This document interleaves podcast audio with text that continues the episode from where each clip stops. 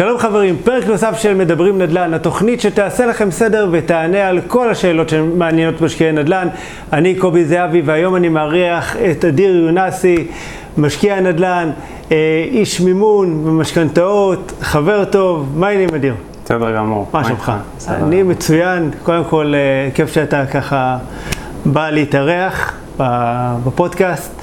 תודה, כיף שהגעת אה, אלינו. בכיף, בכיף. טוב, תראה. כמיטב המסורת. אני מאוד אוהב ככה אה, להתחבר לסיפור האישי, ואני ככה גם מכיר את הסיפור שלך, כי אנחנו מכירים. נכון. אה, בסדר, אבל אני חושב שללא ספק הוא באמת יכול לתת המון השראה, ו, וגם הרבה ידע למי שצופה או מי שמאזין. אה, אז יאללה, מיקרופון אליך, תספר ככה איך בכלל התגלגלת לג'וק הזה שנקרא נדל"ן. אה, אז קודם כל, אה, אני בן 29. נשוי פלוס אחת, גר בבאר יעקב. איך הגעתי לתחום הנדל"ן? אנחנו, אני והשותף שלי, יש לי שותף בשם עמרי, עמרי גלילי, שנינו הבעלים של החברה. אה, כבר מ... נקרא לזה, מתקופת הצבא, מאוד מאוד רצינו אה, לעשות משהו משמעותי. אוקיי. Okay. והסתכלנו על נדל"ן כמשהו שמאוד מאוד אה, משך אותנו מבחינת העוצמות שלו. אוקיי, okay, רגע, אבל אתה אומר מתקופת הצבא. ובבית, כאילו, זה היה משהו שכזה, עשו נדל"ן, לא, דיברו לא, נדל"ן, לא, השקעות? לא, לא דיברו נדל"ן, לא, גם אנחנו באותו זמן לא ידענו איך אנחנו רוצים להיכנס לתחום, או איך אנחנו רוצים בכלל לעשות נדל"ן. ידענו שתחום הנדל"ן זה משהו שמושך אותנו מבחינת עוצמות, מבנים וכולי, אבל, וכמובן שיש בו כסף, אבל לא, לא בדיוק כן. ידענו איך אנחנו רוצים להיכנס לתחום. אמ, אמצע לקראת סוף השחרור הצבאי, אנחנו רואים שמתחיל להתפתח פה במדינה כל הנושא של אה, משבר הדיור, שנת 2011. אוקיי. Okay. אמ, אנחנו רואים שיש הרבה מחאות למעשה בתל אביב, רוטשילד, ומתחיל להיכנס לנו לתודעה הנושא הזה, שנדל"ן במדינה זה לא זול. שמצד אחד יש משקיעים שעושים כסף בנדל"ן, מהצד השני יש חבר'ה שרוצים לקנות נדל"ן למגורים ומאוד מאוד קשה להם, והמחירים של הנדל"ן עולים ועולים ולא מתאפשר להם בכלל לקנות איזושהי דירה. כן. שזה די פרדוקס, שמצד אחד אתה אומר יש כאלה שעושים כסף בנדל"ן, נכון. מצד שני יש קבוצה שקשה להם לקנות דירה. לגמרי, ואנחנו...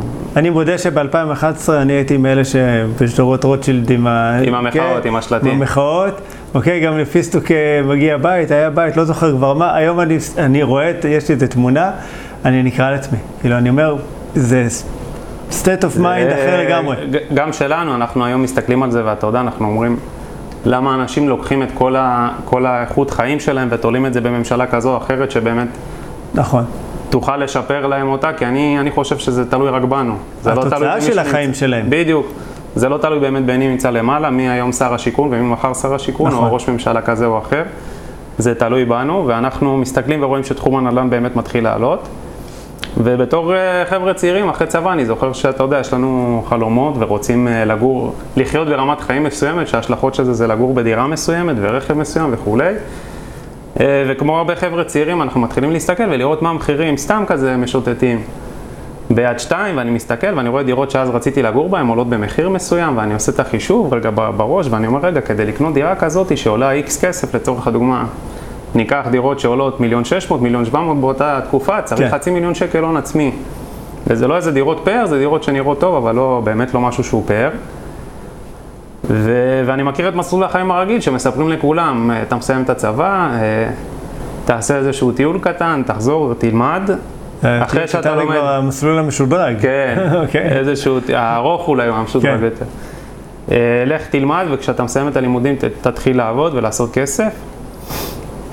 ומשהו לא, לא מסתדר לי בחישוב. אני איש של מספרים ואני אומר, משהו לא מסתדר לי בחישוב. זאת אומרת, איך יכול להיות שאני אצליח להגיע לסכומי כסף כאלה? זאת אומרת, גם אם אני עכשיו מסיים את ה...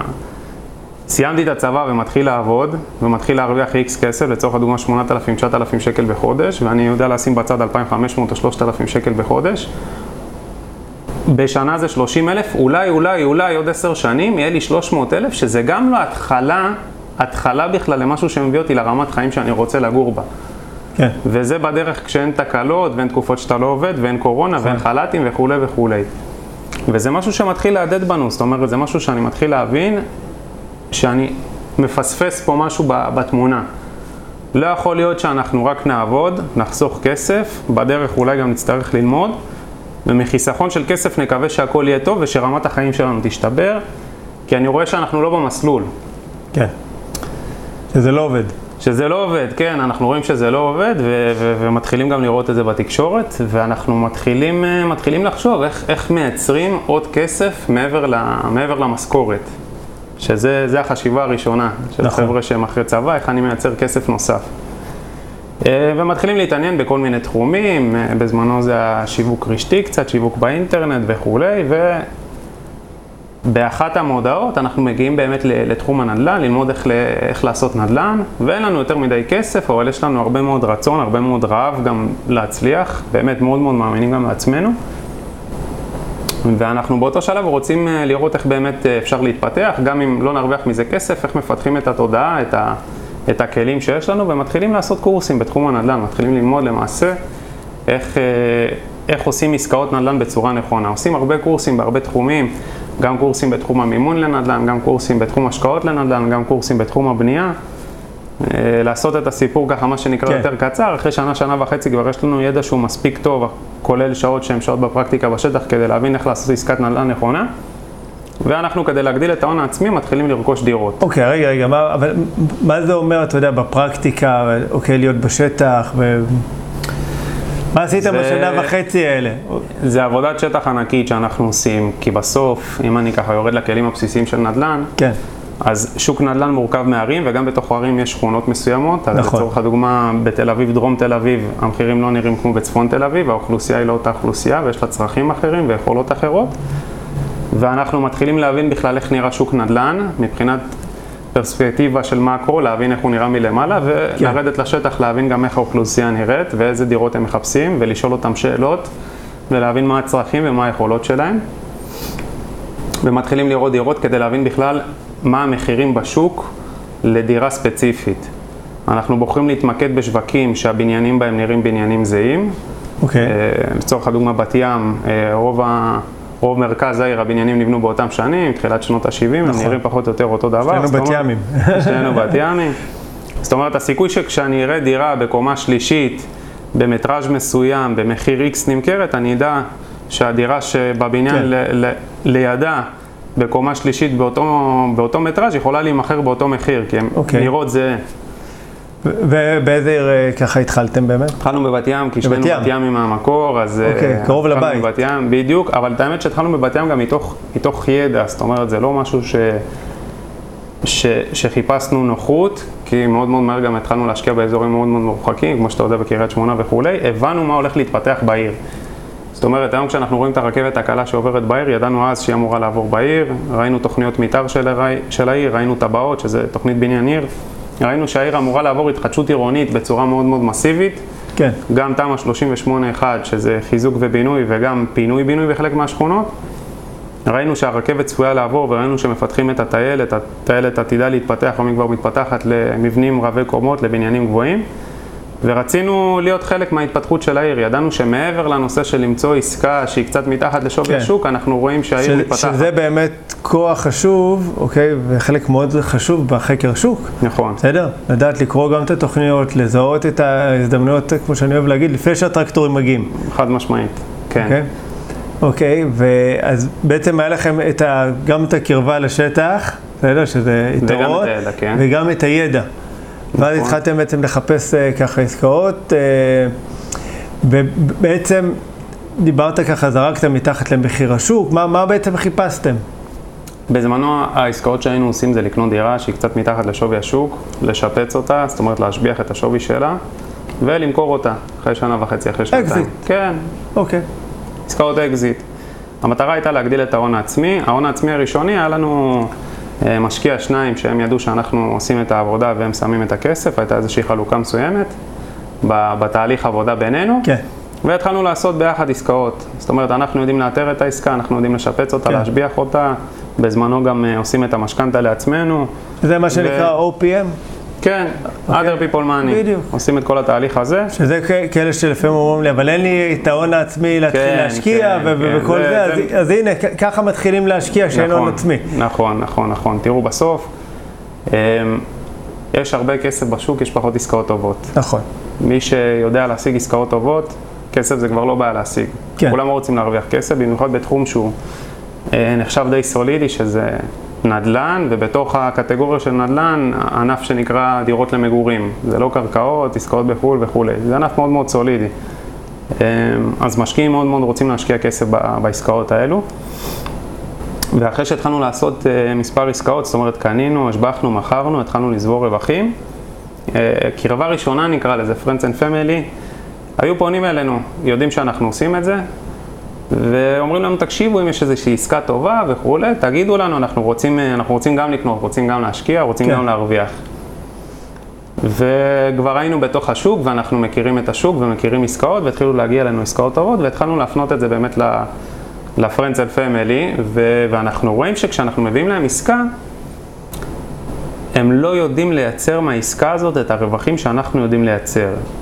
נפלה אוקיי. לנו ההבנה, מה הכוונה? איפה הם... אה, נפלה נופלים? לנו ההבנה שתהליך של השקעה הוא תהליך מאוד מאוד רוחבי, שבתוכו יש הרבה אלמנטים שצריך לדעת לשלוט בהם, כמו תהליך אוקיי. של לקיחת מימון, כמו תהליך של השבחת הנכס, שזה נכון. השיפוץ, כמו לפתור בעיות בנכסים מסוימים, שבגלל הבעיות האלה אנחנו קונים את הנכסים במחירים יותר זולים, בעיות משפטיות, רישום, בעיות. רישום, בעיות פיזיות וכולי, צריך ידע מקצועי בתחום. נכון. צריך לדעת לנהל בעלי מקצוע, שזה גם אמנות, עורכי דין, מהנדסים. קבלנים וכולי וכולי, צריך לדעת להשכיר את הדירה, צריך לנהל את כל התהליך הזה בצורה משפטית. זאת אומרת, מאוד מאוד מהר הבנו שהתהליך של השקעה הוא תהליך מאוד מאוד רוחבי, והתהליך של איתור עסקה הוא תהליך נקודתי מאוד בתוך התהליך הזה. נכון. צריך להיות מוכנים לפני שבכלל מאתרים את העסקה מבחינת מימון, אישורים עקרוניים וכולי, וצריך לדעת לשלוט בכל האלמנטים שציינתי גם לאחר שביצענו את העסקה. ובגלל שחסרים להם היכולות, המיומנויות והזמן, הם לא יודעים לייצר את הרווחים שאנחנו יודעים לייצר. כן. זה משהו שגם נרכש, אתה יודע, אני בטוח שבעסקאות הראשונות זה קצת חד חרק. משמעית, חד משמעית. בסדר, בעשירית גם- הרבה פחות. בעשירית הרבה פחות, ובעסקה ה-50 הרבה פחות, ובעסקה ה-100 הרבה פחות, וגם היום שאנחנו, כן. ברוך השם, אחרי הרבה מאוד עסקאות, אני יכול להגיד לך שגם אנחנו היום עם בעלי מקצוע, רואים דברים חדשים. נכון. אמנם פחות מפעם, אבל רואים דברים חדשים. זאת אומרת, הניסיון פה יש לו, יש לו עניין מכריע. כן. אה, ומצאנו את עצמנו, אם אני חוזר אחורה לסיפור, עוזרים להם בכל אחד מהאלמנטים. זאת אומרת, אני עוזר להם בנושא של המימון, כי הוא לא מבין מה זה התמיד משכנתה שהוא קיבל, ומה זה המסלולים שנתנו לו, ואיך הוא לוקח את המשכנתה בצורה נכונה כדי לא לשלם קנסות, כי הוא רוצה למכור את הנכס עוד 3-4 שנים, הקנסות האלה יצמצמו לו את כל הרווח. ושיפוץ שאנחנו יודעים לעשות כן. אותו קוסמטי ולהתאים אותו לשווי שוק. למי שלא יודע, זה עמלת פירעון מוקדם. עמלות. היוון, כן, פירעון כן. מוקדם וכולי, ש, שמצמצמות את כל הרווח, בסכומים גדולים זה יכול להגיע לעשרות נכון. אלפי שקלים. אה, ואנחנו רואים למעשה בתהליך של השיפוץ, ששיפוץ שאנחנו יודעים לנהל את הקבלנים בצורה מסוימת והתהליך עובר חלק, הם לא יודעים מבחינת הניהול, ומבחינת סכומים הם משקיעים הרבה מאוד מעבר למה שהיה צריך להשקיע, כי בסוף גם יש כן. רף מקסימלי ששוכר ישלם באותה שכונה. אתה לא יכול להשכיר בבת ים דירה ב-10,000 שקל גם אם תעשה שיש שלא מזהב, יקרה. בדיוק. אז אתה בדרך כלל משקיע יחסית את המינימום כדי להרוויח את המקסימום, והם לא יודעים לעשות את זה, והם לא יודעים להתנהל בתהליך. גם, גם איפשהו יש אה, כוח קנייה, ברגע שאתה מתחיל לשפץ הרבה נכסים, אז נכון, לא מכירים אותך זה, ספקים, זה, אז... זה עוד אה, אנחנו מדברים על, ה, על השלב אקסטרה, בוא נגיד, על, כן. הש, על, ה, על התהליך שקרה אחרי שנה, אחרי שנתיים וכולי, אבל בתהליך הראשון ראינו שהם פשוט לא מצליחים להתמודד עם זה. לא עם הניהול נכון. של התהליך, ואין להם את המיומנויות ואת הידע, וזה גם משהו שנפשית מאוד מאוד מקשה עליהם. תראה, אנחנו בסוף, גם בגלל שאנחנו בתחום וגם בגלל שיכול להיות שאנחנו רואים אחרת דברים, אנחנו לא נלחצים מללכת ולעשות עסקה, גם אז שהיינו במיליון וחצי, שתי מיליון שקל, פחות מלחיץ אותנו. יש אנשים שזה מאוד מאוד מלחיץ אותם, זאת אומרת שאם אין מישהו כן. שבא והולך איתם לבנק ובודק איתם את הדברים, או מישהו שהולך איתם לשיפוץ שעולה 80-90 אלף שקל, הם מאוד מאוד נלחצים, הם נרתעים. אז מצאנו את עצמנו גם עוזרים להם ברמה המקצועית וגם חצי פסיכולוגים כל הדרך, שזה משהו שאני נכון. בטוח שאתה חווה גם כן. כן. אני נהנה מזה, אבל זו הסריטה שלי עוד אה, כמטפל. גם אנחנו לגמרי, בסוף, אה, בסוף נדל"ן, נדל"ן זה אנשים, שזה מנטרה שאנחנו משננים נכון. אותה כל הזמן. אה, והתחלנו פשוט לייצר סיסטם קבוע לתהליך הזה. זאת אומרת, הבנו שלקוחות רוצים שנעזור להם בכל התהליך, לא רק בתהליך כן. איתור העסקה. התחלנו לעזור להם בכל התהליך, שזה כולל גם את תהליך המימון, גם את תהליך השיפוץ, גם את תהליך הכנסת שיווק הנכס לסוחרים. היום גם אנחנו עוזרים להם בכל תהליך הניהול של הנכס, גם את זה אנשים רוצים. נכון. והבנו, אם אנחנו הולכים באמת לבסיס של הדבר הזה, שמאוד מאוד קשה לאנשים בכלל לתכנן איך הם עושים את ההשקעה. זאת אומרת, יש הרבה אנשים, אני יכול להגיד לך היום מהקהל לקוחות שלנו, שחושבים שאין להם מספיק הון עצמי כדי להשקיע בנדל"ן, הם מאוד מאוד רוצים להשקיע, ובגלל חוסר הידע הזה הם לא משקיעים בפרקטיקה בנדל"ן. כן. זאת אומרת... אה, אה, אני, אני יכול, אתה יודע, ככה, אה, לדמיין לאן אתה חותר, כן. אבל בואו ככה תן קצת איזה דוגמה, למשל, למקרה כזה. היום לצורך הדוגמה, יש לנו הרבה לקוחות שמגיעים אלינו, ניקח את הפשט, כן. שקנו נכסים כמעט בכל מקום בישראל. ניקח את גוש דן לצורך הדוגמה, משנת 2012 או 2013 אחורה, שנת 2011-2010. מה שקרה זה שבמהלך השנים האלה שווי הנכס עלה מצד אחד, מצד שני הם שילמו נכון. משכנתה, אם הם לקחו משכנתה נכונה, אז גם החוב כן. על הנכס קטן. תשמע, יש כאלה שלקחו לפעמים גם 100% פריים. אה, נכון, כן. יש, יש הרבה משכנתאות מוזרות, אבל בוא נצא מנקודת הנחה שאני מדבר על איזשהו סצנריו בסיסי ורגיל.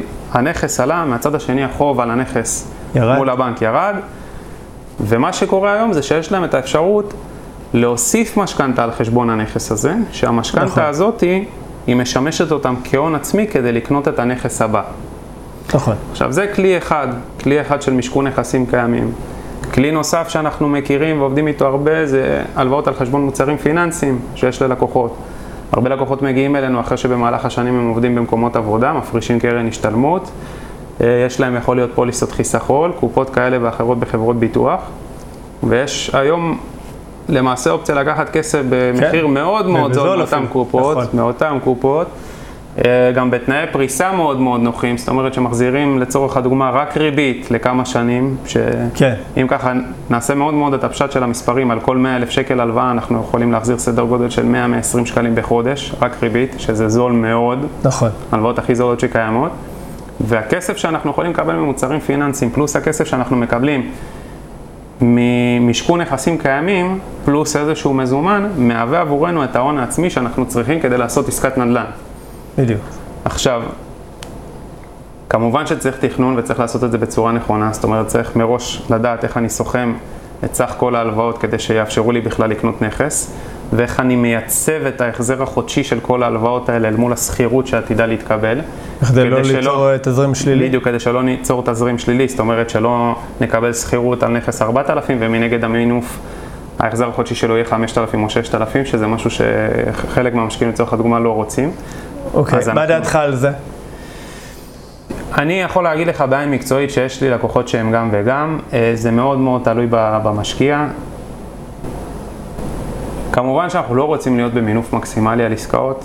מינוף נכון. מקסימלי, יש בו יתרון מאוד גדול, בזה שאנחנו כמעט ולא משתמשים בכסף הון עצמי מהבית, זה מקדם אותנו כמה שנים בתהליך של חיסכון כסף שהיינו צריכים לעשות, אבל מהצד השני הוא גם טומן סיכון, אז צריך לראות מי המשקיע ומה היכולות שלו. כן. אני אקצין שיש- כדי, כדי לה- להמחיש את הדוגמה. יש לי לצורך הדוגמה לקוחות שהם מתחום ההייטק שמרוויחים סכומי כסף מאוד מאוד גדולים, שגם אם הוא ייכנס לתזרים שלילי של 1,000-1,500 שקל בחודש, זה לא כל כך יזיז לו. נכון. כי הוא גם לא במצב של סטטוס משפחתי של ילדים וכולי והוצאות גבוהות. אז הוא מוכן לזה, הוא מודע לסיכונים והוא רוצה לעשות מינוף גבוה כדי לקצר את השנים האלה שהוא יצטרך לחסוך בהם כסף. מצד השני, את השנים של ההחזר משכנתה? או כן. אם לצורך הדוגמה, אני יודע שחסר למשקיעים האלה איקס כסף, אני יכול לקחת את הכסף מהלוואות, אמרנו, ממוצרים נכון. פיננסיים או ממשכון כן. נכסים קיימים, וגם אם סך ההלוואות יהיו גבוהות יותר מאשר השכירות שהוא עתיד לקבל, זאת אומרת, סך ההלוואות בסוף יצאו 5,000 והשכירות היא 4,000, אז המשקיע יודע שגם אם הוא מוסיף עוד 1,000 שקל בחודש, בסטטוס חיים שלו זה מקובל עליו. כן. כי הוא מרוויח הרבה כסף. אני קורא לזה חיסכון הפוך, כי. לפעמים הזמן שייקח לו לחסוך סתם את העוד 100 אלף שקל. האלה, אז אם הוא היה קונה את הדירה במיליון, פתאום הוא צריך לקנות אותה כבר במיליון חמישים. בדיוק. אז הוא צריך כבר לא 100, הוא צריך 150 אלף שקל, ואז אתה, אתה מבין, זה לגמרי מבין. מרוץ. צריך לעשות את זה בצורה אבל מושכלת ומבוקרת ומחושבת. ונכונה, בדיוק. בסדר, ו- ולראות כל אחד, אתה יודע, איפה הוא באמת יכול לעשות ולא להגיע למינוף יתר, כי אז באמת נדל"ן הופך להיות מסוכן. בדיוק, אז מהצד השני של, ה, של המקום הזה, שלצורך הדוגמה זוגות צעירים, שכבר נמצאים בסטטוס משפחתי של ילדים קטנים וכולי, והוצאות, וגם אם יבקשו ממני, אני לא אמנף אותם יותר מדי, כי כן. אני כבר יודע את הסיכונים שהם לא רואים. Mm-hmm. אז צריך להיות איפשהו על הסקאלה של בין כן. לבין תמיד. נכון. רגע, עכשיו אתם עדיין בבת ים?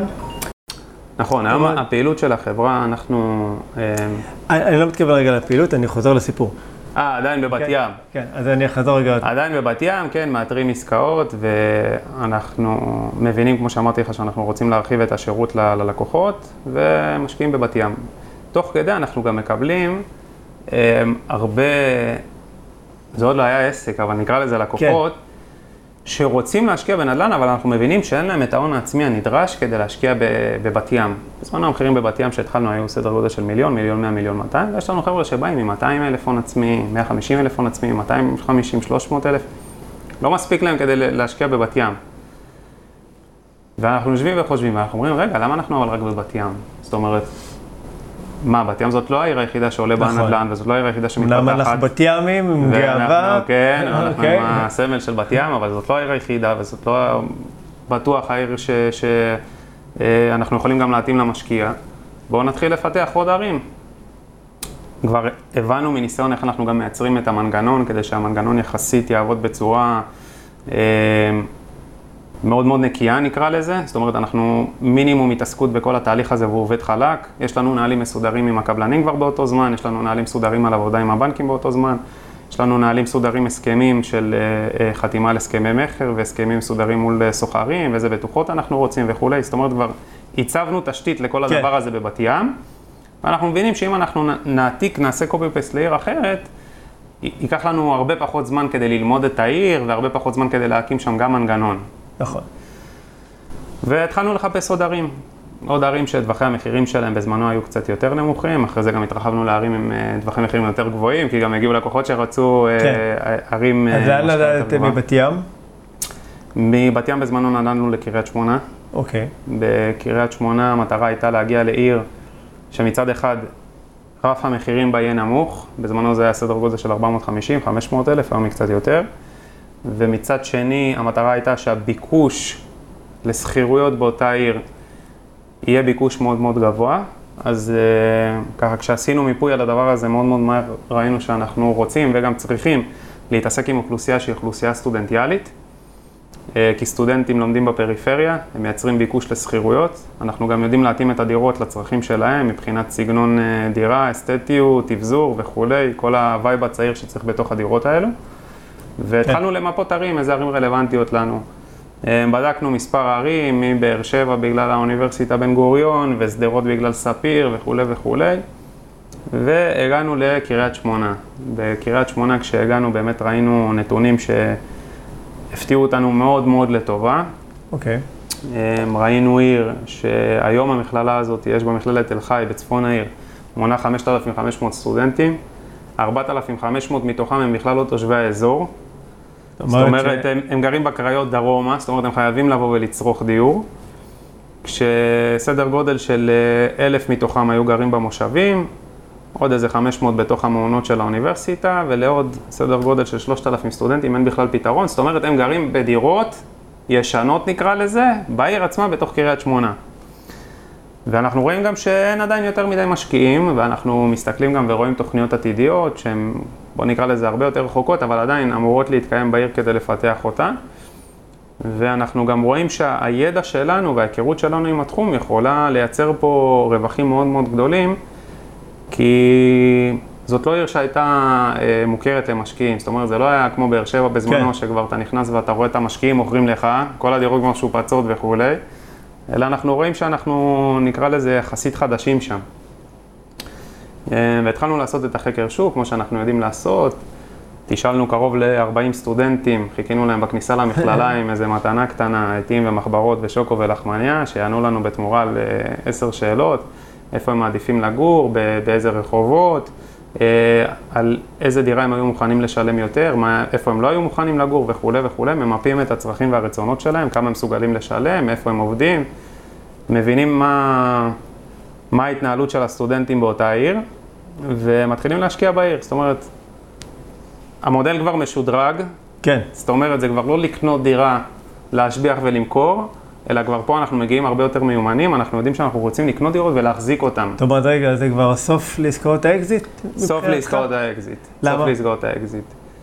אה, זה שיח רחב, רק על זה אנחנו יכולים לדבר שעה. אני אוקיי. קודם כל, גם בכל זאת, יחסית מהר בבת ים, גם יחסית אנחנו מהר לא בבת ים. ממהרים, אנחנו אוהבים נכון, לדבר. גם יחסית מאוד מאוד מהר בבת ים. הבנו שהחלום הזה של עסקת אקזיט הוא מבחינתנו לא חלום ש, שקורה באופן שכיח, זאת אומרת עסקאות שהן עסקאות טובות בעיר מבוקשת, המחיר סגירה שלהם נעצר כבר מאוד מאוד קרוב למחיר אה, שוק של הדירה. אם אני אחבר רגע את המספרים, לצורך הדוגמה היום, אם דירה בבת ים, בשכונות אמצע עיר שווה מיליון ארבע מאות, אם היא כבר תגיע לאזור של מחיר של מיליון שלוש מאות, מיליון מאתיים שמונים, כבר אנשים קונים אותה בטלפון. כן. זאת אומרת, הסיפורים האלה על אקזיטים ולקנות דירה של מיליון ארבע מאות במיליון מאה לא, לא מתקיימים בפועל, ואנחנו אומרים את זה מתוך אנשים ש, שרואים את השטח יום-יום, רואים כל חודש קרוב ל-70-80 דירות. מכירים את השוק, בוא נגיד. לא, כן. לא מדברים עליו באיזשהו פורמט או כיתה, מכירים את השוק מהרגליים. מהשטח. מהשטח. מבינים שהעסקאות האלה לא קורות מבחינת אה, אקזיטים. יש עסקאות נקודתיות פה ושם, אבל זה לא באמת משהו שהוא שכיח, והזמן שאנחנו מחכים עד שאנחנו נמצא עסקת אקזיט, זה זמן שאנחנו מפסידים בו כסף, כי בכלכלה בסוף הכל זה אלטרנטיבות. יכלנו לפני זה לקנות דירות. שהן אולי טיפה יותר יקרות, אבל בינתיים להיות בתוך השוק ולהרוויח מזה שהשוק עולה, ולהרוויח מזה שבינתיים הסוחר משלם לנו את המשכנתה ומצמצם עבורנו את החוב, ולא עשינו את זה. כן. ואנחנו גם מבינים מאוד מאוד מהר שאנחנו לא רוצים להסתכל על נדל"ן כמו, נקרא לזה במרכאות, אה, סוחרים בשוק, סוחרי ירקות. זאת אומרת, לא רוצה לקנות דירה ולמכור אותה, כי בעסקאות האלה שכן עשינו את זה, אמרנו לעצמנו, למה בכלל עשינו את זה? זאת אומרת, קנינו דירה. כן, קנינו דירה, שיפצנו אותה, השבחנו אותה, מקבלים שכירות, היא עובדת. זאת אומרת, עשינו את כל העבודה, בסוף אתה מוכר אותה למשקיע אחר. עכשיו אתה עם הכסף ביד, מחכה עכשיו עוד פעם למצוא עסקה כמה חודשים כן. טובים, עוד פעם עובר את כל העבודה, בינתיים הדירה שמכרת, שווי שלה עולה בשוק, נכון, וזה גם עבודה. זה גם בינינו, עבודה מטורפת. אוקיי, גם להביא דירה של אה, מיליון וחצי במיליון ארבע מאות, או אפילו במיליון שלוש מאות חמישים. עבודה מטורפת, וגם מזל בינינו, גם מזל להיות בטיימינג הנכון. לחלוטין. כדי לתפוס את ההזדמנות באותו רגע. הטיימינג הנכון, עם הקשרים הנכונים, בדיוק. ולדעת לתקתק את זה נכון. ו... לגמרי, ואנחנו אומרים למה מכרנו, זאת אומרת, יכלנו להישאר עם הדירה, להרוויח את העליית ערך שלה. אתה יודע שמכרנו דירה כן. אחת, יש לנו סיפור כזה, קנינו איזושהי דירה, בקיצור, שיפצנו, מכרנו אותה בסדר גודל של מיליון 200, עד שמצאנו את הדירה הבאה, כבר הדירה ההיא ש... שמכרנו, שווה בשוק מיליון 260, מיליון 270, זאת אומרת, העליית כן. ערך הזאת, הפסדנו אותה. ואני מסתכל ואני אומר, רגע, אבל גם היא הייתה מושכרת כבר, והמשכנתה הייתה פחות מהשכירות, היא אפילו לא הפריעה לנו לתזרים.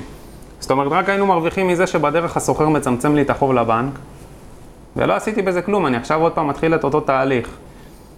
אז מאוד מאוד מהר ראינו שהנושא הזה של עסקאות אקזיט, נקרא לזה, זה לא משהו שהוא מבחינתנו באמת אה, אה, רווחי בנדל"ן לאורך זמן, וראינו שה...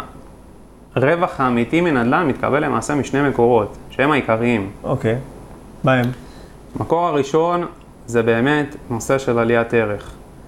אנחנו כשהתחלנו לעבוד בבת ים, לצורך העניין, משנת 2015 ועד היום אנחנו רואים עליות מחירים של למעלה מ-20%. המקור אה, הזה גם למעשה זה משהו שכולם מכירים וכולם יודעים, קצת נתונים ככה כדי לסבר את האוזן ולהסביר על מה אנחנו מדברים, בארבעת העשורים האחרונים, לפי נתוני הלמ"ס, מחיר ממוצע של דירה בכל שנה עולה ב-2.8 אחוז, ריאלית, זאת אומרת לנקות כן. אינפלציה. מחיר ממוצע של דירה כל שנה, ארבעה עשורים, עולה ב-2.8 אחוז. יש שנים שפחות, יש שנים שיותר, אנחנו מסתכלים נכון, כרגע על הממוצע. זה הממוצע. בואו נסתכל מה, מה צפוי לקרות בעתיד, כי גם פה אנחנו רוצים להבין מה היה, בואו נראה מה יכול לקרות. כן.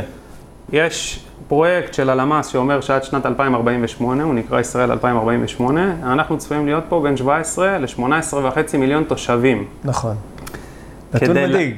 מאוד מדאיג. כדי להכיל את הכמות כן. תושבים הזאת, משרד הבינוי אה, הוציא איזושהי תוכנית, שבתוכנית הוא אמר כמה היתרים אנחנו צריכים אה, להנפיק כל שנה כדי באמת שיזמים יתחילו לבנות. והמספר עומד בשנים האלו על סדר גודל של 55-60 אלף היתרים כל שנה, יחידות דיור הכוונה. כן. היתרים ליחידות דיור, 55 עד 60 אלף. אתה יודע בכמה, מה המספר השנה? קרוב לח... פחות מחצי לפי דעתי. פחות מחצי. כן. שנת 2020 אנחנו עומדים על 40 אחוז מהיעד. כן. זאת אומרת, היסטורית אחורה אנחנו מבינים שהמחירים עולים במשך ארבעה עשורים.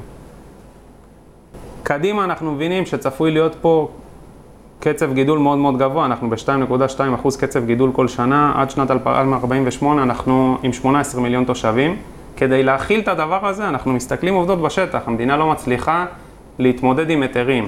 היא לא, היא לא מצליחה להתמודד עם הרבה דברים, אבל זה כבר פודקאסט אחר. נכון. אבל, אבל זאת אומרת, כל ההתנהלות של הנדל"ן, אתה יודע, עלק רצון אה, להוריד את מחירי הדיור, לא, אני, לא, לא יודע. כנראה לא, שלא אין- אין לא היו היאחזות בשיעור. הראשון בכלכלה של היצע בשטח, וביקוש. אין היאחזות לזה בשטח. אגב, אנחנו, אם המחירים ירדו, אנחנו נשמח, נוכל לקנות יותר נכסים, אין לנו בעיה עם זה. אבל אנחנו רואים התכנות, פרקטיקה, לא, לא בקצב.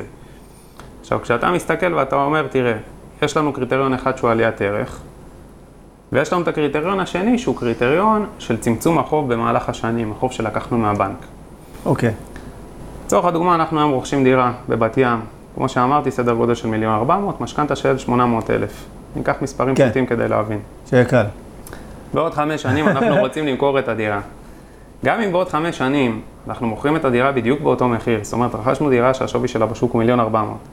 מכרנו אותה גם במיליון ארבע מאות בעוד חמש שנים. אנחנו מרוויחים את זה שבדרך, אם לקחנו משכנתה נכונה, כן, החוב על הדירה מצטמצם.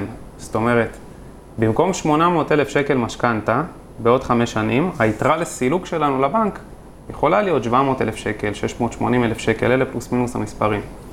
זאת אומרת, כשאנחנו נמכור את הדירה, יש לנו יותר הון עצמי ביד מאשר ההון העצמי שהשקענו בהתחלה. לחלוטין. וזה בלי להתייחס בכלל לעליית ערך.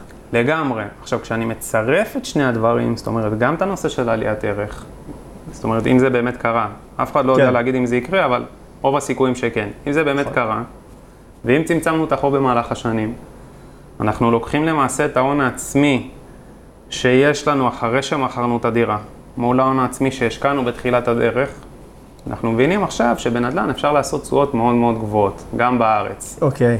אה, כן, מסתכלים בסוף על הקש און קש. אבל בדיוק, קש און קש, אנחנו גם יכולים להגיע לתשואות דו-ספרתיות עם המשקיע עם דירה ראשונה וכולי.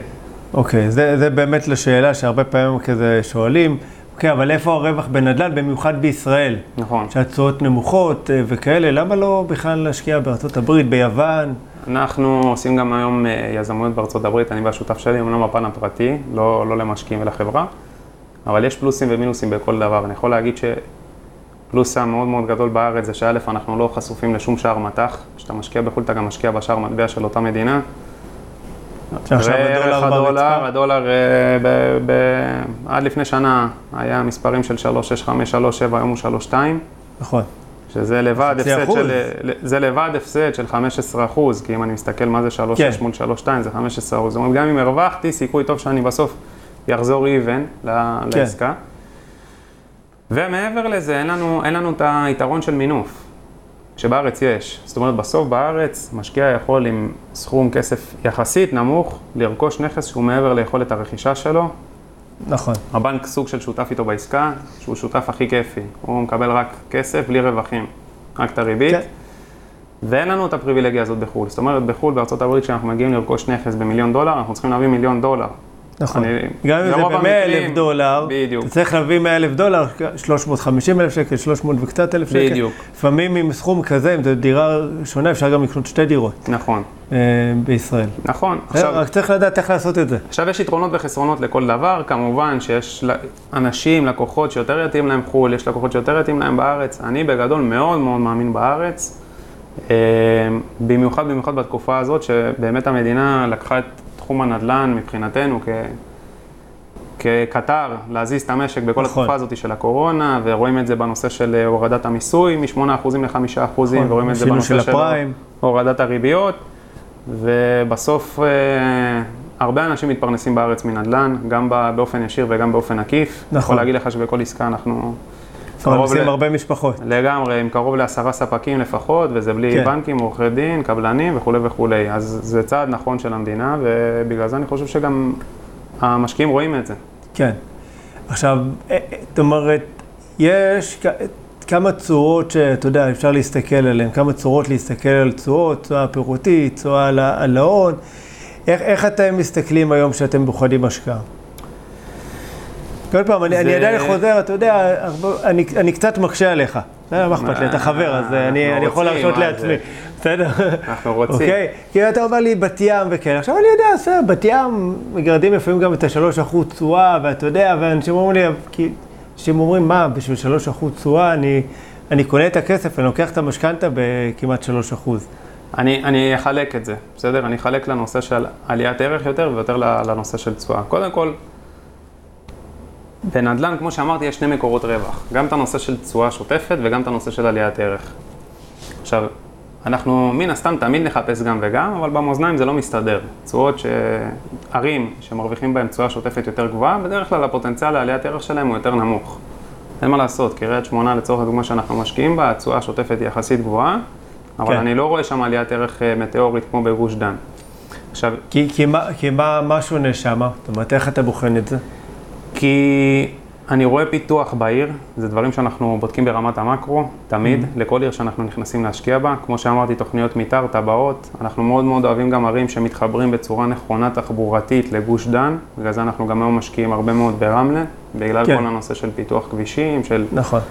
אה, רכבת ושל מטרו שעתידה לעבור שם.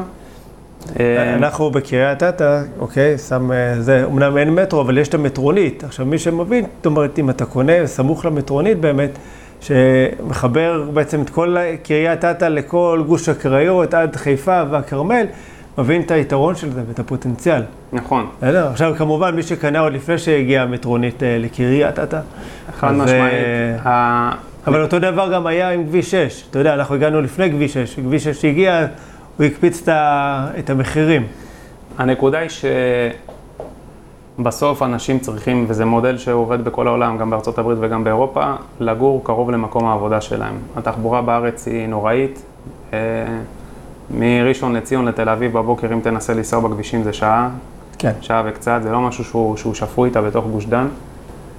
ולאנשים אין היום, נקרא לזה זוגות צעירים, כי הם בסוף מגדילים את המחירים, לרובם אין את האלטרנטיבה לגור ב, ב, בתל אביב, אז הם מתחילים לצאת למעגלים שלהם. נכון. בזמנו זה היה לבת ים, אחרי זה זה היה לראשון, והיום המעגלים הם מעגלים קצת יותר רחוקים. כן, מאוד מאוד חשוב שלערים האלו יהיה חיבור תחבורתי לתל אביב, כי בסוף הרבה אנשים עובדים בתל אביב ובעוטף של תל אביב. כן. לצורך הדוגמה, אביב, כשאני... רמת גן. בדיוק, אז לצורך הדוגמה, כשאנחנו משקיעים בבת ים, וניקח את רמלה לדוגמה, כי אלה הערים שאני יותר מאמין בהם מבחינת עליית ערך, כדי להבין את החשיבה, אז אנחנו מבינים שבבת ים למעשה, עוד לפני תחילת ההשקעה שלנו שם, עתידה לעבור רכבת קלה, היום היא כבר נסללת, שמחברת את בת ים מהנקודה הכי דרומית שלה ועד למרכז תל אביב בפחות מ-50 דקות. ואנחנו מבינים שאנשים היום רוצים לבוא ולגור בעיר הזאת במגדלים חדשים, כי העיר הזאת נותנת אלטרנטיבה למעשה לקנות דירה יד שנייה ברמת גן או בגבעתיים, אל מול דירה חדשה בבת ים. עכשיו, כשאנחנו רואים שהעיר מכניסה אליה תושבים חדשים, זאת אומרת שהם לא כן, תושבי המקור, שיש הגירה חיובית. בדיוק, שיש הגירה חיובית, והמעמד הסוציו-אקונומי שלהם גבוה, זאת אומרת שהם מעלים את המעמד הסוציו-אקונומי בעיר. אנחנו רואים שבעקבות זה שהמגדלים נבנים ויש ביקוש לדירות חדשות, יזמים מגיעים כדי לפנות כן. את הישנים ולעשות גם שם נכון. דירות חדשות. בתור שם. בת ימי לשעבר, בדיוק. אתה יודע, זה פתאום ללכת לראות אה, בתי ילד שם, איפה שהיה פארק, וזה פתאום את כל המגדלים שהקימו. לגמרי, חצי מיאמי. והכל. תקשיב, מדהים. ו- ובהתאם לזה גם הרבה שכונות אה, יותר ותיקות, יזמים נכנסו אליהם, באמת השמות הכי בכירים במשק, מצלאווי וכולי, לעשות שם פרויקטים של פינוי-בינוי, ואתה מבין שדברים קורים בעיר שהם חיוביים, שמרימים okay. את אוקיי. העיר ללמעלה, והתשואה השוטפת בעיר הזאת לא מעניינת אותי, בסדר, אם אני מחבר את זה לשאלה שלך, כמו okay. מה אוקיי. שמעניינת אותי עליית הערך. זאת אומרת, okay. אני כן. יודע שבבת ים אני יכול להשיג 3% תשואה שוטפת, אבל זה לא האישו פה. האישו פה זה לקנות דירה במחיר מסוים, ולמכור אותה תוך פרק זמן יחסית לא ארוך, במחיר הרבה יותר גבוה. אוקיי, okay, אז עכשיו, אחרי שהפלנו כמה אסימונים או כרטיסי סים, אוקיי, okay, לצופים והמאזינים, אני בטוח שמתעוררת אצל חלקם השאלה, מאיפה אני מביא את המידע הזה? מאיפה אני מביא את המידע הזה? שאלה טובה, תראה, אנחנו אה, קודם כל חוקרים כל דבר במחלקת הנדסה בעירייה. אוקיי. דבר שני, אה, אם זה המידע של תחבורה ציבורית, נטע, נתיבי תחבורה עירונית. האתר שלהם יש מפה, אנחנו רואים איפה הרכבות צפויות לעבור ולפי זה גם התחלנו לחקור. אמ, ויש שם הרבה מידע שהוא גם נפוץ באינטרנט, זאת אומרת, אם אני מסתכל על, ה, על ה, בגדול, הבסיס שאנחנו תמיד חוקרים הוא באינטרנט, ואז אנחנו יורדים לשטח כדי לוודא את הדברים שראינו באינטרנט, ולהסיק האם באמת יש פוטנציאל חיובי כשאנחנו מדברים עם תושבים פיזית. כשאנחנו מדברים גם עם הסוחרים העתידיים שלנו, הרוכשים העתידיים שלנו פיזית. כן. אה, שמהם לפעמים אפשר לקבל הרבה מידע. בדיוק. אבל זה, זה כבר ממש לחזור לשטח. בדיוק, בדיוק. אה, תמיד זה שילוב אבל. כן. אני חושב שבכלל, תמיד צריכים להיות עם רדארים פתוחים. לגמרי. להקשיב, זה לא משנה זה, אם זה השמאי אפילו שמגיע, או לא יודע מה, גם הבחורצ'יק, לא יודע מה, שיושב על הספסל למטה. אוקיי? פשוט לדבר, לשאול שאלות ובעיקר לשתוק. אני, אני, אני גם חושב שבסוף צריך ללכת לבעלי מקצוע. זאת אומרת, כן. אם אנחנו מסתכלים בסוף על הלקוח הממוצע, בסדר? הוא לא קונה דירה כל שנה. נכון. הוא קונה אולי, אולי בפעמיים, שלוש בחיים. ללכת לבעלי מקצוע, הם לא יודעים לעשות את כל התהליך הזה לבד. הרבה אנשים בכלל אוקיי. לא יודעים מה לבדוק. אז ללכת כן, יש כאלה שלפעמים אומרים לי, בתחום. אני, אני, אולי אני אשפץ את הדירה לבד. אוקיי? נכון. אני אומר לו, "אתה- אוקיי, אתה שיפוצניק, אתה יודע איך לחתוך קרמיקה, בדיוק, אנחנו כאילו, לא יודעים. התנסית, כאילו עכשיו, עכשיו החלטת לעשות את הניסוי? לגמרי, בסדר, אז אה, לא, יש דברים שלא צריכים אה, לחסוך עליהם, אוקיי? לגמרי. כמו שאמרת לי מקודם, אתה לא הולך ללמוד אה, להכין סושי בשביל לאכול סושי? חד משמעית, נכון. אני, אני בעד הדבר הזה. תראו, יש, יש דברים שאנחנו יודעים שאנחנו יודעים לעשות, יש דברים שאני יודע שאני לא יודע לעשות, כן. יש דברים שאני בוחר לא לדעת לעשות. נכון, אני עושה הרבה עסקאות, אה, ברוך השם, בשנה, ואני לא עורך דין. אני יודע שאני נכון. משתמש הרבה, אז אני מעסיק עורך דין. כן, זה שיש לי הנהלת חשבונות בעסק, זה לא אומר שאני צריך להיות רואה חשבון. נכון. יש דברים שהם בעלי מקצוע צריכים לעשות אותם, מגיע להם שכר על זה, אז אנחנו משלמים ושהם יעשו כן. אותם. אותו דבר בנדל"ן. איך אתה אבל בוחר בעלי מקצוע? מה... אה, אני היום? אחרי, אחרי, בוא נקרא לזה. גביעות ושריטות שריטות. וכולי וכולי, אנחנו עובדים אך ורק עם בעלי מקצוע שאנחנו יודעים שיש להם ניסיון בתחום שאנחנו רוצים לעבוד איתו. כן, תמיד מישהו שנותן לי מחיר זול, אני מאוד מאוד מאוד נזהר מזה. אמ, אנחנו, היום יש לי את הפריבילגיה, נקרא לזה, לעבוד עם בעלי מקצוע פרימיום. זה גם האג'נדה של העסק שלי. אנחנו עובדים רק עם בעלי מקצוע שהם מאוד מאוד טובים בתחום שלהם, שהם מבחינתי נקראים פרימיום, שזה אומר שאם אנחנו עובדים עם קבלנים שיעשו שיפוצים לנכס, אני, אין לי היום קבלנים שהם לא מהנדסים בהגדרה שלהם. מהנדסים, תעודת מהנדס, שיש להם ביטוחים על העבודה, שיש להם ביטוחים על הפועלים, שהפועלים הם פועלים חוקיים. יש לי רשימת נהלים שלפי זה אנחנו בוחרים כן. את הקבלן, אבל רק כדי לסבר את האוזן, יש לנו בחינה מאוד מאוד מעמיקה אליהם, ואנחנו רוצים קבלנים שהם פרימיום. אותו דבר גם כשאנחנו עובדים מול עורכי דין, אנחנו עובדים מול עורכי דין ברמה מאוד מאוד גבוהה. אנחנו מודעים לזה שהם יותר יקרים מהממוצע בשוק. בגלל שאנחנו עובדים בכמות עבודה מאוד מאוד גדולה, אז הלקוחות שלנו מקבלים מחירים נמוכים יותר מהמחירים שהם גובים בדרך כלל. אבל למדנו שכשאנחנו משלמים, בוחנים מן הסתם לפני זה למי אנחנו משלמים, אבל משלמים לבעלי מקצוע טובים, זה מקל עלינו את ההתנהלות במהלך הדרך. אנחנו יכולים לישון בשקט, כי בסוף זה עסקאות עם מספרים מאוד מאוד גדולים, והם גם לוקחים אותנו ברמת המקצועיות שלהם לרווחיות יותר גבוהה. זאת אומרת, הם הרבה יותר טובים. קבלן נכון. טוב יודע לחסוך לנו כסף, וקבלן טוב יודע לפתור בעיות עוד לפני שהן קורות. קבלן לא טוב יוצר לך את הבעיות בדרך. ואז כן. אומר לך, זאת הבעיה, תתמודד. נכון. אצלהם הבעיה נפתרת עוד לפני שהיא קורית. אה, כנ"ל אה, אני עורכי אוהב דין. להגיד לצוות שלי, אל תבואו אליי עם בעיות, תבואו עם פתרונות. בדיוק. אז, אז כל התהליך עבודה שלנו מולם, אנחנו יודעים שאנחנו משלמים יותר כסף. מבחינתי אני חוסך את הכסף הזה, כי המקצועיות שלהם יותר רווחית לי, ואני יודע שאני גם יכול לישון בשקט, כי אני יכול לסמוך עליהם.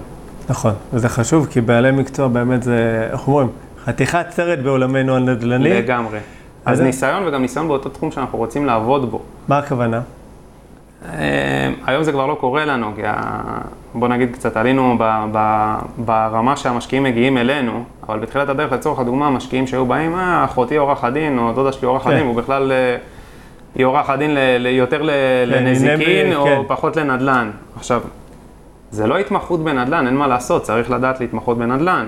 נכון. ו- וצריך גם לדעת שמבחינת אה, התמחות בנדל"ן, יש לפעמים אה, סוגי עסקאות שונים בין עיר לעיר. אני יכול להגיד לך שבקריית שמונה יש סוגי עסקאות שהעורכי דין שם מכירים, שאם אני אביא אה, עורך דין מהמרכז הוא פחות יכיר. כן. כמו, אם, אם אני ארד לרמה המקצועית, אה, ו- תסריט בית משותף וכולי, שאין שם לחלק מהבניינים, כי נכון. פעם נפלה שם איזושהי קטיושה על מחלקת הנדסה וזה לא היה מתועד וכולי. קיצור, דברים שהמקומיים יודעים לבדוק. בפריפריה יש הרבה דירות שאין בהן אה, תסריט בית משותף, או תיק בניין, כן. או לא יודע מה, אפילו רישום בטאבו. נכון. אני לא יודע איך בקריית שמונה, אני פחות נכון, מכיר. נכון, ויש הרבה עסקאות בפריפריה כן, מעמידר. חברה משכנת. לא, שזה לא, שזה לא... אפילו לא עמידר, כל מיני חברות משכנות שיושבות אצל עורכי דין. עכשיו, עורך דין במרכז, אני אומר לך, אני, כמה עסקאות כאלה הגיעו אליי, שעורך דין במרכז הבריח את המשקיעים, ובסוף אתה יודע, כאילו... אז, אז זה, זה, זה, זה התגלגל לידיי, ואתה יודע, באחלה מחיר, ואתה אומר תודה. זה, זה נקודה מאוד מאוד חשובה, וזה בכל תחום בעסקה, זאת אומרת, גם במימון זה אותו דבר, וכולי כן. וכולי. בעיניי, אם כבר נתקענו על עורכי דין, אני, אני חושב שגם עורך דין צריך להיות, אתה יודע, אתה, סבבה, הוא חייב להיות, להתמחות במקרקעין, זה בכלל אין ויכוח, אבל גם להיות uh, מקומי. זאת אומרת, נכון, אוקיי, מסכים. באותו עיר, או לפחות, אתה יודע, באותו אזור, בסדר, אם זה לא באותה קריה, אז לפחות, אתה יודע, מאזור הקריות, שהוא מבין uh, מה, מה, מה קורה שם. ואת, כן? ה... ואת הבעיות המימוניות כן. באותה... גם שיש לו קשרים, כי אין מה לעשות, אתה לפעמים רוצה להזיז את הדברים קצת יותר מהר בעירייה, בטאבו, ב... מסכים. בבת ים לצורך הדוגמה, לפני כמה שנים העיר מאוד מאוד רצתה לקדם את הנושא של התחדשות עירונית.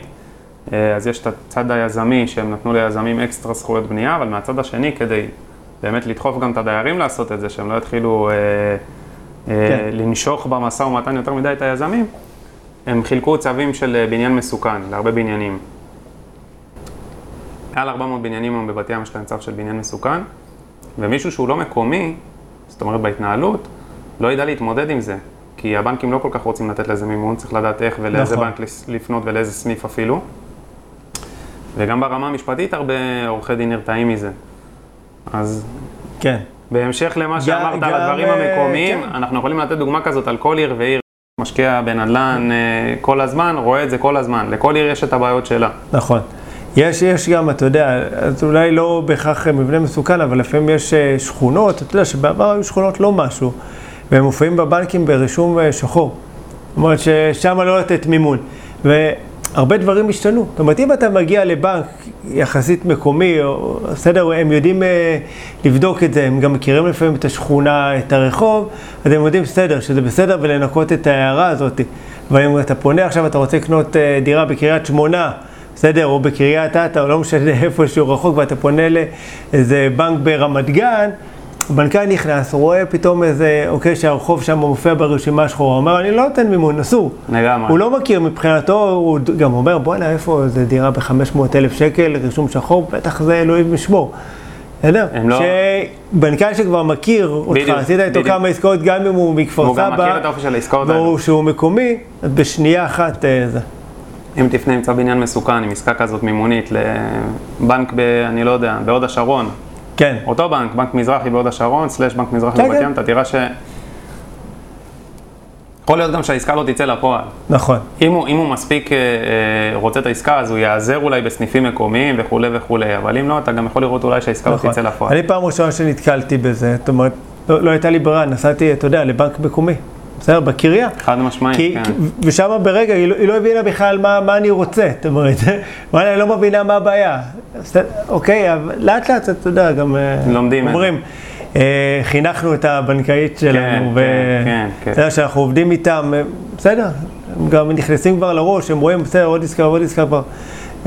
בסוף גם הבנקים משתפים איתנו פעולה. בטוח, זה האינטרס שלהם, בסוף הם רוצים למכור כסף. נכון.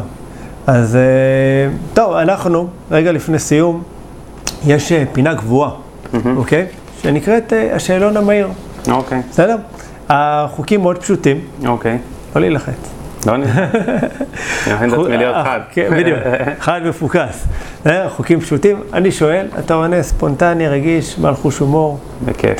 יאללה, אז נתחיל שאלה ראשונה. תאר לי את עצמך... אסוציאציות, כן? אה? אסוציאציות. לא יודע, אני אפתיע אותך. בוא נראה. תאר לי את עצמך בשלוש מילים. בשלוש מילים? כן. אבא בעל יזם. מקסים. מי הוא האדם שהכי השפיע עליך? שותף שלי. שותף? וואלה, כן. כן. מה? עברנו דרך ארוכה ביחד, תמיד אנחנו מפרים אחד את השני. יפה. ו... בטוח גם לשנים כן. הבאות. כן. מקסים. אה, ספר מומלץ? אבא, שירה ואני. וואלה, כן. אוקיי, סבבה, זה כבר, אתה יודע, בז'אנר אה, מאוד מקובל. בוא תפתיע אותי עם איזה ספר... אה, אני אפתיע אותך? בתחום הנדל"ן? לא, ספר מומלץ. אני לא הגבלתי אותך. חוק החמש שניות. חוק החמש שניות? כן, כן. וואלה. כן. אני חושב ש... לקבל החלטה ב... חד משמעית, אני חושב שזה משהו כמה חשוב. הרבה חבל על הזמן. במיוחד בנדל"ן. במיוחד, במיוחד, במיוחד. לא יודע בנדל"ן, אבל בעסקים, בתחום וגם העסקים בנדל"ן. צריך, צריך לדעת לא להתעכב על החלטות יותר מדי, כי, כי אם אנחנו יודעים לקבל החלטה, ו, ומאוד מאוד מהר להבין גם שאנחנו נטעה בדרך, להשלים עם זה, אנחנו מספיקים לעשות יותר. כן. זה השורה התחתונה של זה. נכון. ש- אוקיי, זה לא תמיד חייב להיות מושלם. חד משמעית. כן. אוקיי. אה, הדבר הראשון שהיית לוקח איתך, להיבודד. ספר, ספר. והדבר האחרון שהיית לוקח איתך להיבודד? טלוויזיה. טלוויזיה, תכלס. העצה הכי טובה שנתנו לך. וואי, נתנו לי הרבה. אה, סמוך על עצמך. מעולה. כן. איזה תחביב יש לך? אה, כדורגל אני אוהב הרבה לראות, וריצה. כן, כדורגל זה נחשב תחביב? אה, לראות עוד? אה, מי שאוהד קבוצה יבין כן, אותי. אתה- אני אוהד מכבי חיפה, אני יכול לראות אותם משחקים פארק גם שלי. נגד אה, ליגה לאומית. לא, לא, פחות מדבר אליי, אבל סבבה. אה, איפה אתה רואה את עצמך בעוד עשר שנים? חברה שנותנת מענה למשקיעים, ב... קודם כל, כמו שאמרנו, איש משפחה, בעל וכולי. חברה בפן העסקי, שנותנת מעטפת מאוד מאוד גדולה למשקיעים מבחינת מוצרים. אה, זאת אומרת, גם נדל"ן יד שנייה, כמו שאנחנו עושים היום, גם אה, יזמויות בחו"ל, גם קרקעות. אה, בתחום הזה, כמובן. יפה, הרבה שאיפות, כן. אני אוהב. אם היו עושים סרט על החיים שלך, לאיזה ז'אנר הוא היה שייך? לאיזה ז'אנר הוא היה שייך? אה, ז'אנר עסקי נראה לי. יש דבר כזה? לא, סליחה, אין... אה, יש אוטוביוגרפיה הייתי רוצה אולי. כן, דוקו, כן, מעולה. לאן היית הולך אם היית בלתי נראה? אם הייתי בלתי נראה, בתחום העסקי עוד פעם אני לוקח. אולי הייתי רוצה לראות איך אה, דברים מתנהלים מאחורי הקלעים, בתוך אה, אישורים, עיריות, דברים כאלו. זה מרתק. כן. כמה זמן לוקח לך להתארגן בבוקר? היום אני מארגן את הילדה, אז פחות יש לי זמן לעצמי. לעצמי אני משער 20 דקות. 20 דקות, זריז. כן, כן. אה, מה הדבר שעשית שאתה הכי גאה בו?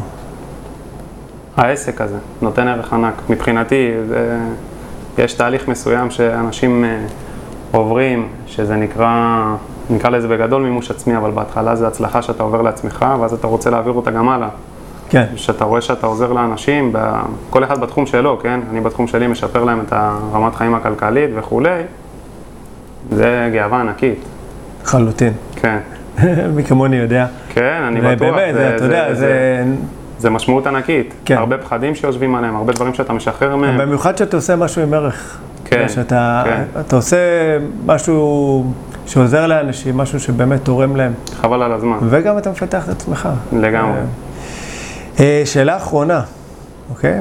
אתה מוכן? תאמין. את מי היית ממליץ לי לראיין בפרק הבא? את מי הייתי ממליץ לך לראיין בפרק הבא? כן.